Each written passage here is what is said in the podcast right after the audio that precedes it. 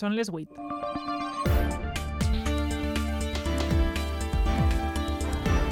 Les notícies de la nit amb Sara Garcia i José Soler.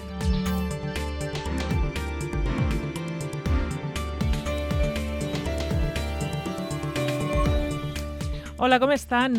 Una setmana més les perspectives meteorològiques a mitjà termini no són bones. Continuem sense pluja i el que és pitjor, la setmana que ve podríem estar en temperatures molt altes.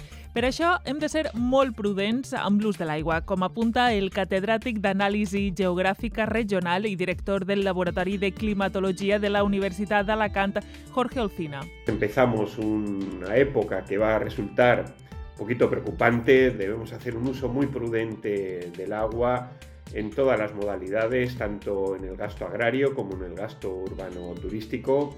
Y por otra parte, estar atentos a las medidas que se puedan ir tomando desde las confederaciones geográficas para ir estableciendo niveles de gravedad que vaya adquiriendo la sequía si no llueve eh, con abundancia y parece que no lo va a hacer en las próximas semanas y para restricciones que habría que empezar a aplicar en los diferentes usos del agua.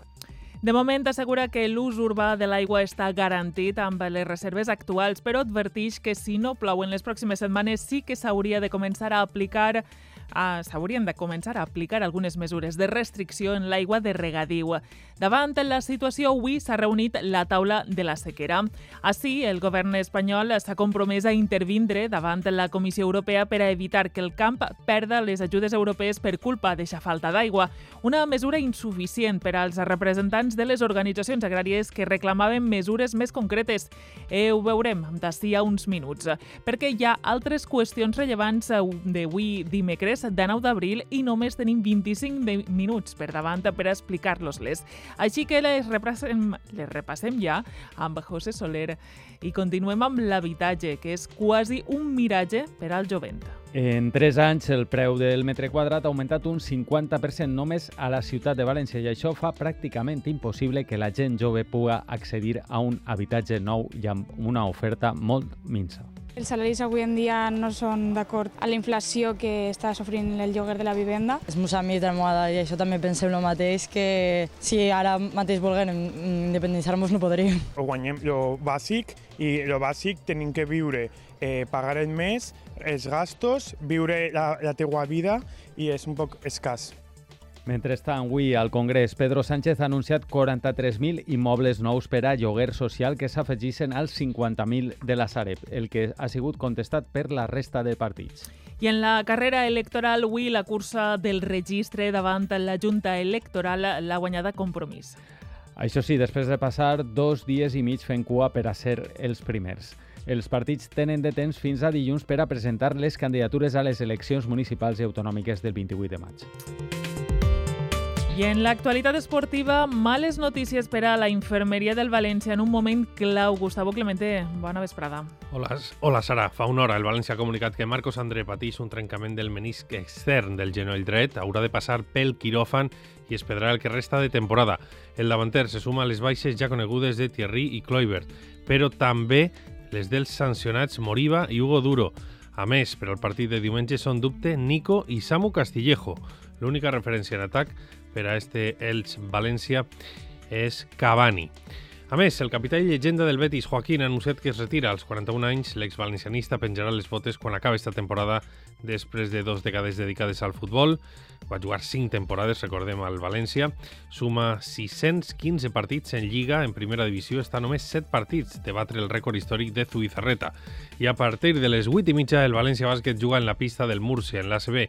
Partit que podrem escoltar en el programa des de la banda i a les 11 i 5 l'anàlisi del dia fins la una en línia de fons. Gràcies, Gustavo. I és moment ara de conèixer les previsions de l'oratge. Lluís Obiols, bona vesprada. Bona vesprada. Avui hem tingut un dia encara amb calor moderada i núvols que progressen de sud a nord.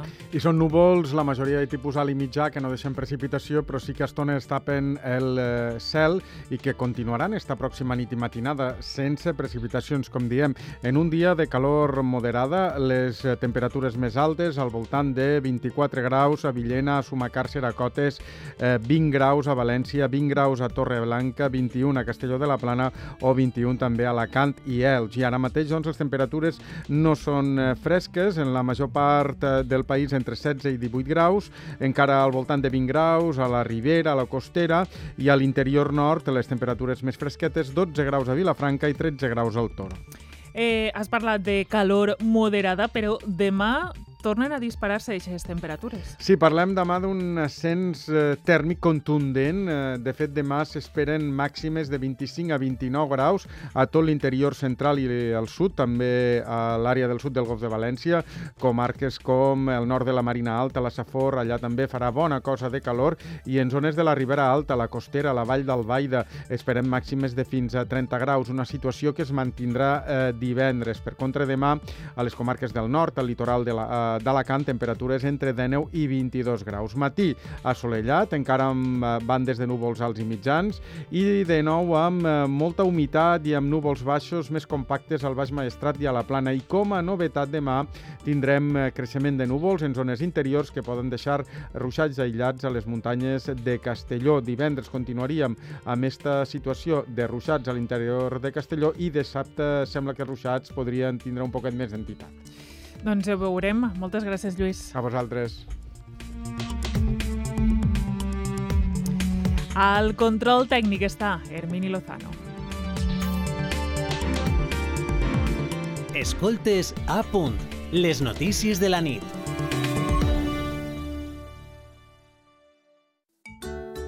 Un espai per al futur. Una educació per aprendre compartint. Entra a telematrícula.es i tramita el procés d'admissió dels teus fills i filles. Del 20 al 28 d'abril per a infantil i primària i a partir del 4 de maig per a secundària i batxillerat. Conselleria d'Educació, Cultura i Esport. Viu la muntanya amb seguretat. Cada any fent centenars de rescats al medi natural i, si ens necessites, allí estarem. Recorda, si vas a la muntanya, equipa't bé, hidrata't, evita anar a soles, informa de la ruta i de la previsió meteorològica i respecta el medi natural per evitar incendis. Consorci de Bombers de València. Escoltes a punt. Les notícies de la nit. Són les 8 i 7. Comencem el relat informatiu i ho fem per la sequera, perquè el govern espanyol es compromet a intervindre a Brussel·les per a evitar que el camp perda les ajudes europees per culpa de la falta d'aigua. És l'únic resultat concret de la taula de la sequera reunida avui a Madrid i en què les organitzacions agràries reclamaven més mesures concretes. Parlen de situació catastròfica en el que ja és l'abril més sec dels últims 60 anys. Una crònica de Xavier García del Valle. El mapa de la sequera ara mateix a Espanya és desolador. Més del 60% del territori pateix per falta d'aigua. A abril només s'han recollit 5 litres de pluja quan la mitjana habitual era de 32. Afortunadament, i per a variar, el nostre no està entre els territoris més perjudicats. A Andalusia, Aragó i Catalunya, les organitzacions agràries ja donen per perduda la collita de cereals. Una catástrofe muy amplia para el conjunto del sector yo diría ante una situación absolutamente excepcional y lo que necesitamos son medidas excepcionales y cuanto antes. És la valoració de Gabriel Trenzado, director de Cooperatives Agroalimentàries d'Espanya, una de les organitzacions davant les quals el govern central, en la taula de la sequera, s'ha compromès a evitar que es perden les ajudes europees. Però el sector també reclama un decret urgent de sequera, subvencions i ajudes fiscals i traure l'aigua de la campanya electoral. Andrés Góngora i Pedro Barato parlen en nom de la COAC i d'Asaja. No queremos una confrontación política. Estamos en un proceso electoral, estamos inmersos en un proceso electoral que se va a encadenar con un segundo proceso electoral, pero la sequía y los agricultores y ganaderos no entendemos de estos temas. Hace falta urgentemente que ese decreto de sequía esté ahí, con contenido, con medidas, con dinero y lo demás, todos son, pueden ser excusas o pueden ser diagnósticos. Vuelvo a insistir, no estamos para diagnósticos. La comunitat valenciana s'ha compromès a mantindre polítiques que la consellera d'Agricultura, Isaura Navarro, considera que ja estan funcionant. Estem molt per dalt de, de la mitjana en, en un bon ús de, de l'aigua, però en qualsevol cas hem de continuar creixent en aquesta línia. A la reunió d'avui, per cert, no estava convocada la Unió de Llauradors. Aniran demà al Ministeri a portar també les seues demandes. I la comunitat valenciana afronta aquesta situació millor que altres territoris, però atenció a les reserves que han anat baixant els últims mesos. La conca del Xúquer tenia de partida la posició més favorable i podem dir que viu encara de les pluges acumulades la primavera de 2022 està en un 61% de capacitat, dos punts menys que ara fa un any, mentre que a la del Segura les reserves són del 35%, això significa que està 7 punts per baix de l'habitual. Si anem al detall, l'embassament de Maria Cristina a l'Alcora està al 17% de capacitat. L'any passat estava al 78%. El pantà de Forata a Iatova ha passat del 78 al 40% i el de Tous del 55 al 34%. Estos tres embassaments pertanyen a la conca del Xúquer. Perquè fa a la conca del Segura, l'embassament de la Pedrera ha passat del 34 al 26%. I esta sequera amenaça els camps de les comarques del Baix Segura i de les eh, comarques del Vinalopó, que ja estan en preemergència. Si no plou en les pròximes setmanes, es podrien veure afectats tant el secà com el regadiu. L'aigua per al consum urbà, de moment, no perilla. Isabel González. La sequera al Baix Segura no impedís que els llauradors continuen preparant els camps per a la sembra. Esta comarca ens sap molt d'estalviar aigua, però si no plou d'ací a juny, les collites podrien perillar. Antonio Martínez, membre de Saja, i Juan de Dios García, llaurador del Baix Segura. Home, el que més pateix és lo de secar, però dintre de, també de lo de regadiu també està patint, perquè és això, se, se salinitza el terreno i tenim un problema en la salinitat del terreno. No viene agua, no podemos plantar ni si la tenemos plantada la perdemos. A les comarques del Vinalopó no estan millor. Per a salvar el regadiu, la comunitat de regants demana que s'augmente l'aigua que arriba del trasbassament Xúcar-Vinalopó per a un rec de socors. Ángel Urbina, president de la comunitat de regants. Con el problema que tenemos de la sobreexplotación de los acuíferos del Vinalopó, que no podemos sacar toda la que necesitamos, pues necesitamos urgentemente agua del Xúcar-Vinalopó els regants del Vinalopó demanaran dilluns que es doblen els hectòmetres d'aigua que arriben del Xúquer. Pel que fa a l'aigua per el director del Laboratori de Climatologia de la Universitat d'Alacant, Jorge Elcina, diu que no perilla. El uso urbano del agua está garantizado con las reservas existentes en la comunidad valenciana, pero eso sí, si no llueve en las próximas semanas, sí que habría que empezar a aplicar algunas medidas de restricción en el agua de regadío. La situació de la sequera no és tan extrema com en altres llocs d'Espanya perquè els llauradors encara viuen de les rendes de les pluges caigudes la primavera passada. I Xodos, a l'Alcalaten i Benafigos, a l'Alt Maestrat, estan sent els primers pobles de les comarques del nord a patir els efectes de la sequera. Ja fa un mes que un camió cisterna carrega aigua des d'un pou situat a Atzeneta del Maestrat i la transporta fins als dipòsits municipals. El nivell dels aqüífers està molt baix i ja no donen més de sí. L'Ajuntament de Xodos ha demanat a la Diputació de Castelló tancs d'emergència per a omplir els depòsits i que la població no es quede sense aigua. Les notícies de la nit.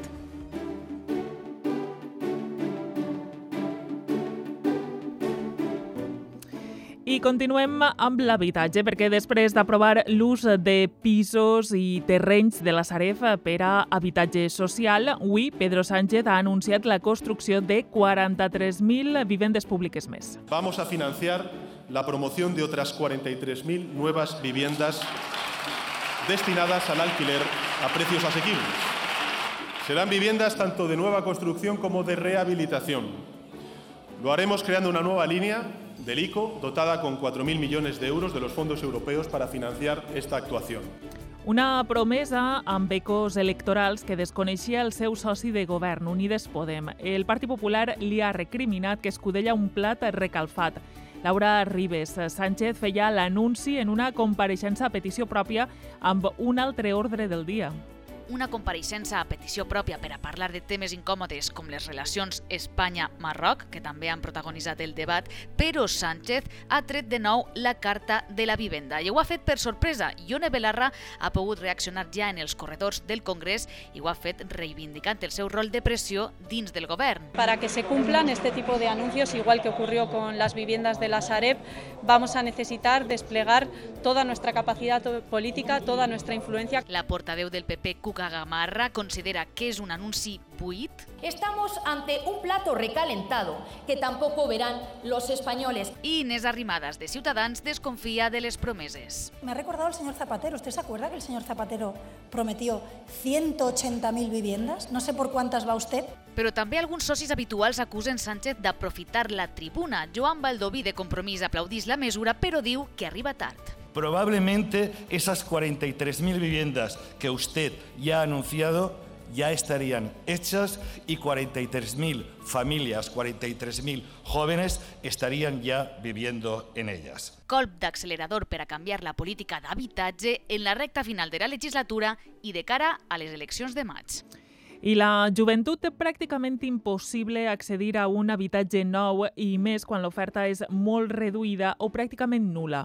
Llogar un pis tot pa- pati mateixa, una, una hipoteca difícil. Només desgastos d'entrada de alquiler, de hipoteca o de lo que siga, ya es imposible. O sea, no pots ahorrar. Teniendo en cuenta la inflación y que no suben los sueldos, Encara que tingues feina, els preus dels lloguers o sea, de les cases són molt elevades. Quan ja tinga una estabilitat financera, pues ja plantejar-me algo, eh, pressupost en l'ajuda dels meus pares. És el que passa a la ciutat de València, on el preu del metre quadrat ha augmentat un 50% en 3 anys i el de lloguers encara més.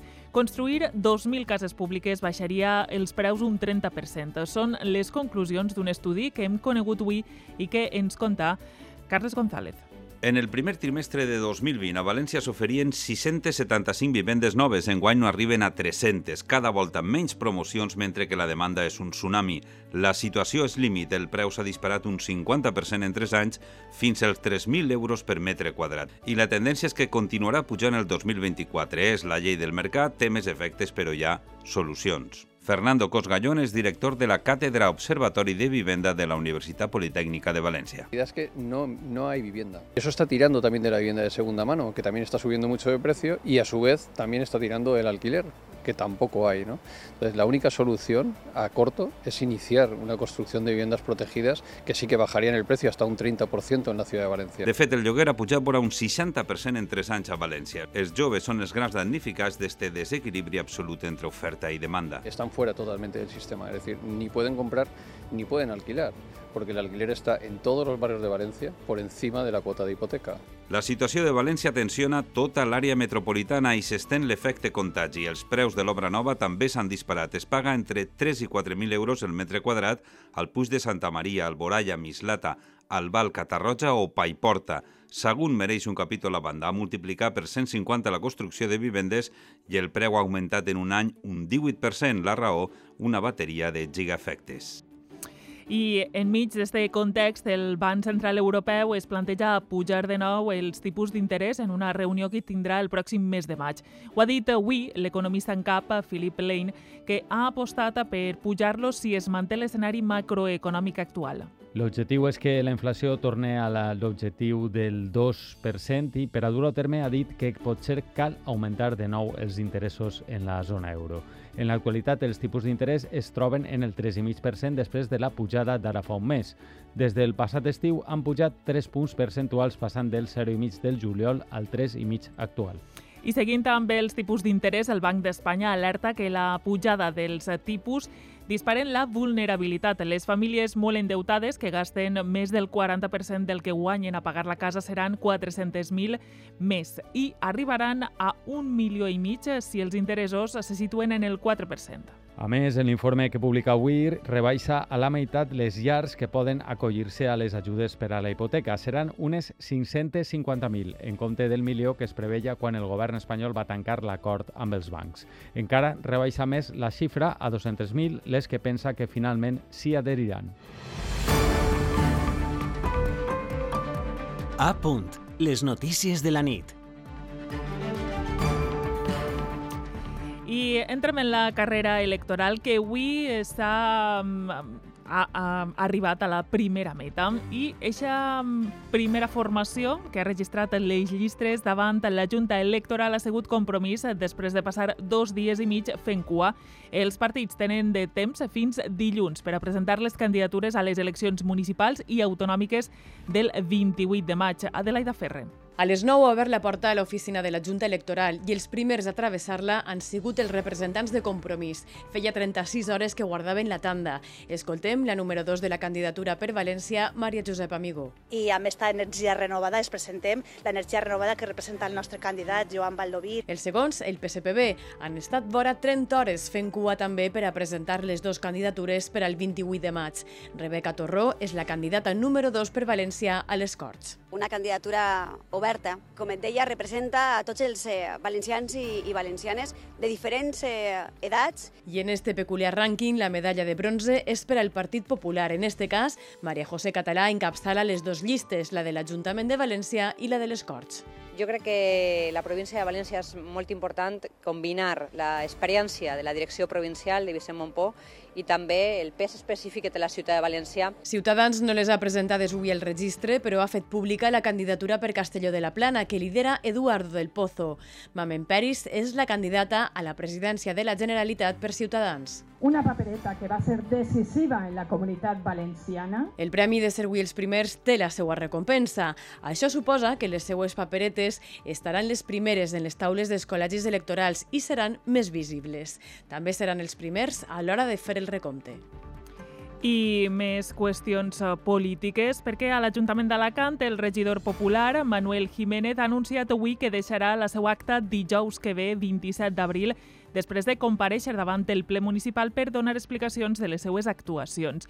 El motiu de la renúncia i de la decisió de no concórrer en la llista del PP que encapçala Luis Barcala és, segons ha explicat en un comunicat, no perjudicar la seva família ni el partit per la seva gestió en quatre contractes menors. L'import d'aquestes quatre contractacions formalitzades el 2022 és de 135.000 euros i inclou la instal·lació d'un circuit d'aparells biosaludables, la reforma d'un escenari i la instal·lació d'una nova pèrgola, a més de la redacció del projecte d'esta última.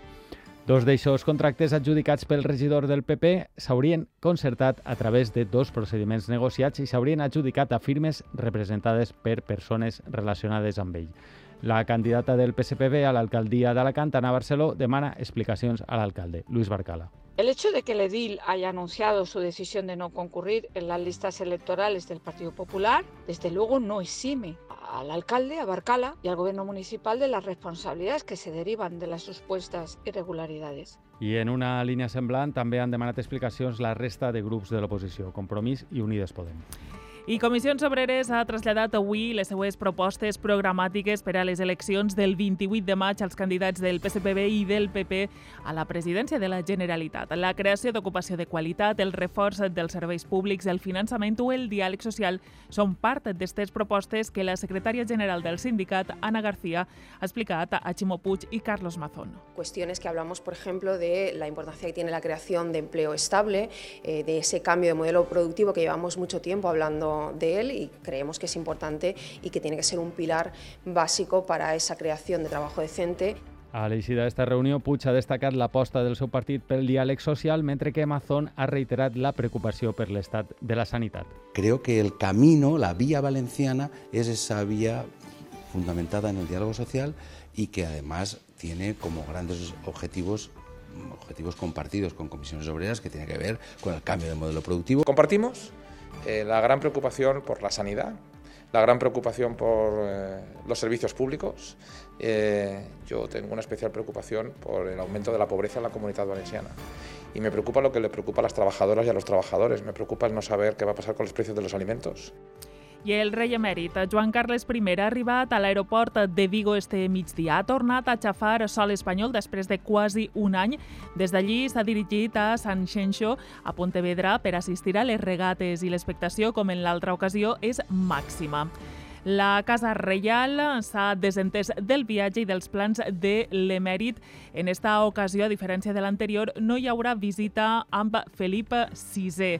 Parlen, eh, la presència de Joan Carles mm, doncs, incomoda el govern espanyol i des del Congrés eh, parlen el diputat Joan Baldoví, el portaveu de Ciutadans Edmundo Val i del PNB Aitor Esteban, a més de la ministra de Drets Socials Ione Belarra. A mí me parece que este señor tiene eh, más cara que espalda sinceramente. No voy a opinar sobre las visitas, los viajes o la fijación del domicilio de un ciudadano libre que tengamos que llamarle mérito. ¿Mérito de qué? Yo creo que estamos asistiendo a otra situación esperpéntica y creo que cada vez más.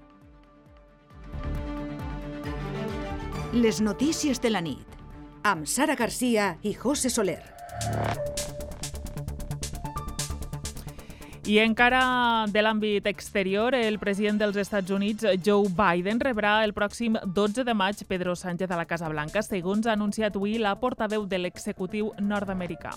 I am pleased to announce that President Biden will welcome President Pedro Sanchez of Spain to the White House on Friday. L'objectiu de la reunió serà aprofundir els lligams històrics entre els Estats Units i Espanya, però també avaluaran la situació de la guerra d'Ucraïna. La visita es produirà dos mesos abans que Espanya assumisca la presidència de torn de la Unió Europea. I amb això, i també comentant-los que al llogaret de la Santa Fasa a Alacant ja està tot preparat per a rebre demà els més de 300.000 peregrins que recorreran els 8 quilòmetres que separen la concatedral de Sant Nicolau d'eixe llogaret de la Santa Fasa. Posem punt final a les notícies de la nit d'avui. Moltes gràcies per estar ahir a l'altra banda i ara els deixem amb eh, tot l'equip de Des de la Banda, ja saben, a partir de les 9, Territori Sonor a apuntmedia.es. Adeu.